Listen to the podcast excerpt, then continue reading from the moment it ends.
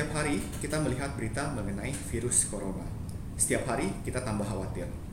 WHO juga sudah menetapkan virus ini sebagai kasus pandemi. Akibatnya, pasar modal runtuh dan rupiah melemah. Lalu, bagaimana investasi saya? Apakah ini waktu yang tepat untuk saya mulai kembali berinvestasi atau lebih baik menunggu? Nah, hari ini kita akan berbincang-bincang dengan Dian Ayu Yustina, ekonom dari Bank Danamon Indonesia untuk membahas lebih jauh mengenai hal ini. Halo, apa kabar Dian? Halo Mas Julius, kabar baik Alhamdulillah. Oke, saya juga baik dan saya juga tetap semangat. Dian, kalau diperhatikan semua media mengulas mengenai virus corona ini ya. Menurut Dian, seberapa besar sih dampak dari pandemi virus corona ini terhadap kondisi ekonomi global dan Indonesia pada khususnya? Terlebih, Bank Dunia dan IMF juga sudah menurunkan prediksi pertumbuhan ekonomi dunia. Um, Oke, okay. uh, memang yang kita hadapi saat ini tuh agak berbeda ya situasinya dibandingkan dengan shock-shock ekonomi yang terjadi sebelumnya ya, krisis-krisis yang sebelumnya. Jadi kita lihat memang uh, apa ada dampak yang sedikit besar karena ini kenapa? Karena kita lihat dari sisi demand, baik dari sisi demand maupun dari sisi supply itu mengalami shock. Jadi ada demand shock dan supply shock. Ini karena ada penghentian atau perlambatan uh, kegiatan dan aktivitas ekonomi di seluruh dunia karena ada yang namanya uh, lockdown atau misalnya pembatasan sosial, social distancing dan sebagainya. Nah, memang dari beberapa lembaga keuangan internasional seperti IMF, kemudian World Bank itu sudah mulai mengeluarkan proyeksi ekonomi dan dampaknya agak cukup besar sepertinya saat ini. Uh, untuk IMF sendiri prediksinya adalah uh, perekonomian dunia itu bisa negatif. Begitu juga World Bank. Walaupun demikian, uh, sepertinya negara-negara yang memiliki basis penduduk lebih besar seperti India, Cina, dan Indonesia, termasuk salah satunya, itu masih diperkirakan bisa tumbuh positif walaupun kecil. Nah kemarin uh, dari Kemenq juga memperkirakan uh, pertumbuhan ekonomi kemungkinan paling uh, skenario paling beratnya uh, skenario beratnya itu di sekitar 2,3 persen. Oke, saat ini uh, juga saya dengar tadi pemerintah dunia sudah mencanangkan lockdown atau karantina wilayah dan Indonesia sendiri saya dengar juga sudah melakukan yang namanya akan melakukan pembatasan sosial berskala besar Nah, sebenarnya apakah ini efektif untuk mengurangi infeksi dari virus tersebut? Uh, dan kira-kira apa lagi sih yang sebaiknya pemerintah lakukan untuk setidaknya mengurangi laju perlambatan ekonomi ini? Uh, memang yang dipilih saat ini dari pemerintah Indonesia itu adalah pembatasan sosial berskala besar ya. Uh, jadi intinya social distancing yang lebih diperketat menurut saya ini bisa berhasil karena memang dilemanya adalah kalau dilakukan lockdown uh, yang ditakutkan adalah fungsi logistiknya itu terganggu karena bagaimanapun kan kita perlu pasokan makanan, pasokan minuman gitu ya. Jadi memang yang dipilih adalah situa uh, pembatasan yang lebih cocok dengan kriteria masyarakat Indonesia. Nah ini bisa jadi uh, efektif, namun penerapannya harus tegas. Jadi harus ada peraturan yang jelas, kemudian penerapannya juga harus uh, ketat dan jelas juga, dan dipastikan masyarakat Indonesia itu mematuhi peraturan-peraturan yang sudah dibuat oleh pemerintah. Jadi harapannya outbreak ini bisa agak di, apa, mulai slow down gitu ya, agak bisa ditahan. Nah, e, mengenai e, apalagi yang bisa dilakukan oleh pemerintah untuk menghadapi perlambatan ekonomi uh, dua hari yang lalu pemerintah sudah melakukan yang namanya sudah rilis yang namanya kebijakan stimulus ekonomi. Jumlahnya cukup besar, sekitar 405 triliun rupiah. Jadi ada tiga fokus dari alokasi dana anggaran ini. Yang pertama adalah tentunya uh, pada sektor kesehatan, pada uh, apa untuk mem memperbaiki rumah sakit, untuk memberi benefit bagi tenaga medis, mengadakan pengadaan alkes, alat-alat kesehatan, itu alokasinya cukup besar sekitar 75 triliun. Ini on top of existing 125 triliun yang sudah ada alokasinya di Kemenkes ya, Kementerian Kesehatan. Kemudian juga ada fungsi keduanya itu adalah jaminan perlindungan sosial. Nah, ini juga sangat perlu. Jadi sekitar 110 triliun akan dialokasikan untuk perlindungan sosial. Jadi uh, akan ada penambahan uh, penerima manfaat dari bansos, kemudian juga ada penambahan penerima uh, manfaat dari kartu sembako, kemudian ada kartu prakerja, kemudian juga ada pembebasan tagihan listrik untuk masyarakat uh, berpendapatan yang bawah ya kelas bawah. Jadi ini semua di, dilakukan agar masyarakat itu lebih tenang menghadapi dampak corona ini. Yang ketiga tentunya ada uh, alokasi untuk mendukung sektor industri atau bisnis karena kita tahu pasti sektor industri dan bisnis ini akan terkena cukup besar dampaknya yang ditakutkan adalah kalau sampai terjadi PHK akibat uh, apa perlambatan atau bahkan penghentian kegiatan ekonomi di industri-industri ini. Jadi ada sekitar 70 triliun yang dialokasikan untuk infrastruktur uh, sorry untuk uh, apa namanya uh, insentif perpajakan untuk insentif perpajakan.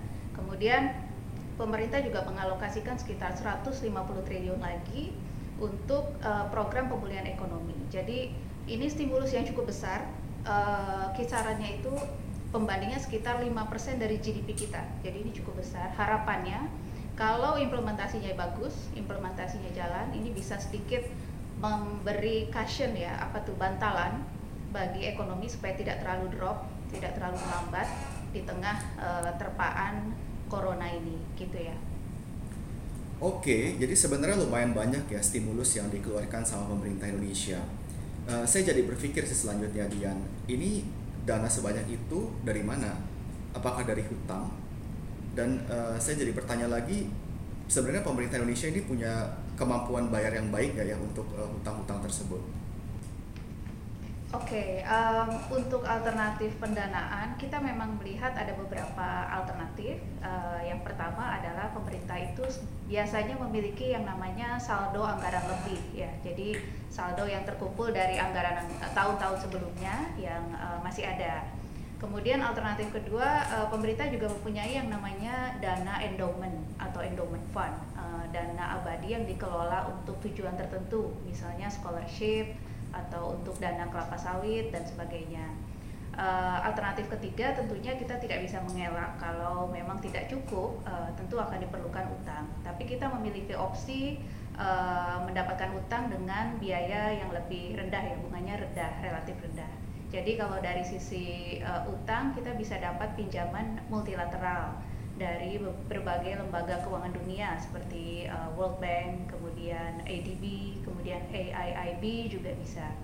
Kemudian alternatif terakhir tentunya uh, pemerintah bisa menerbitkan surat utang atau obligasi pemerintah untuk membiayai defisit anggaran ya.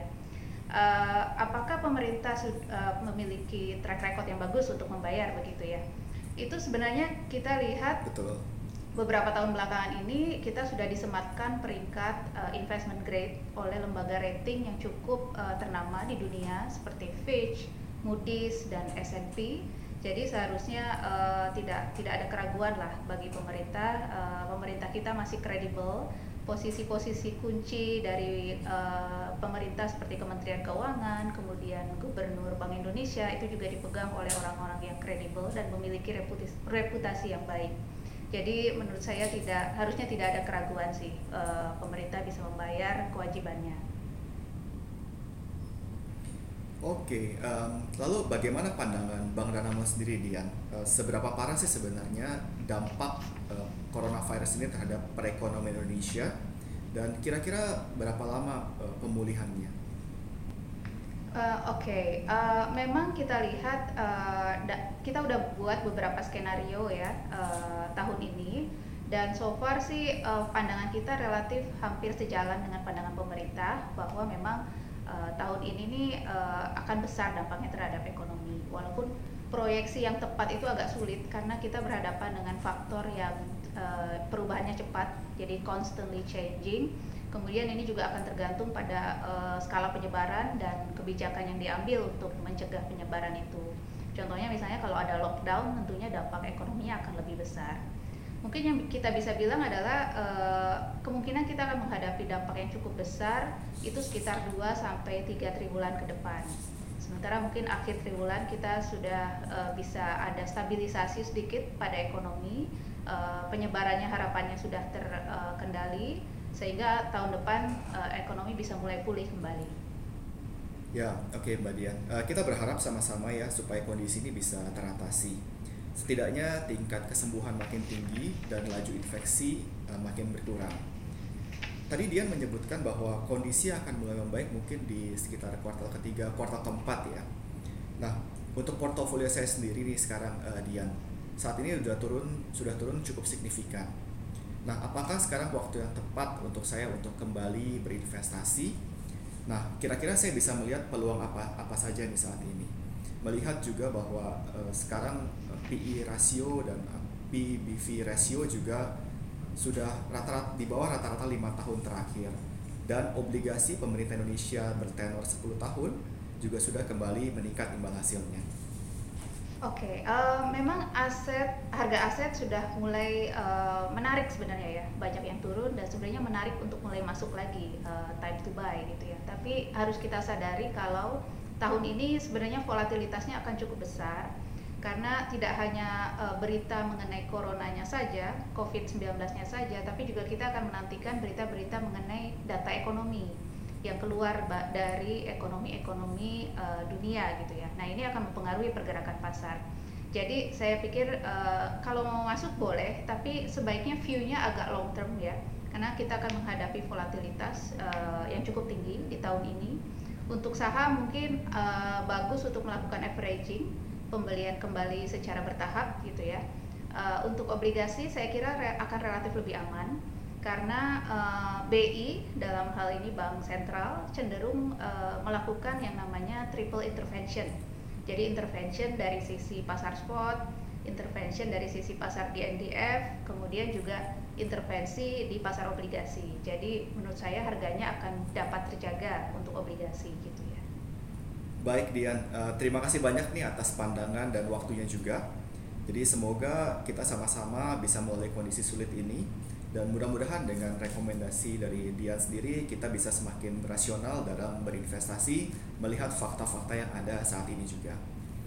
Amin, sama-sama.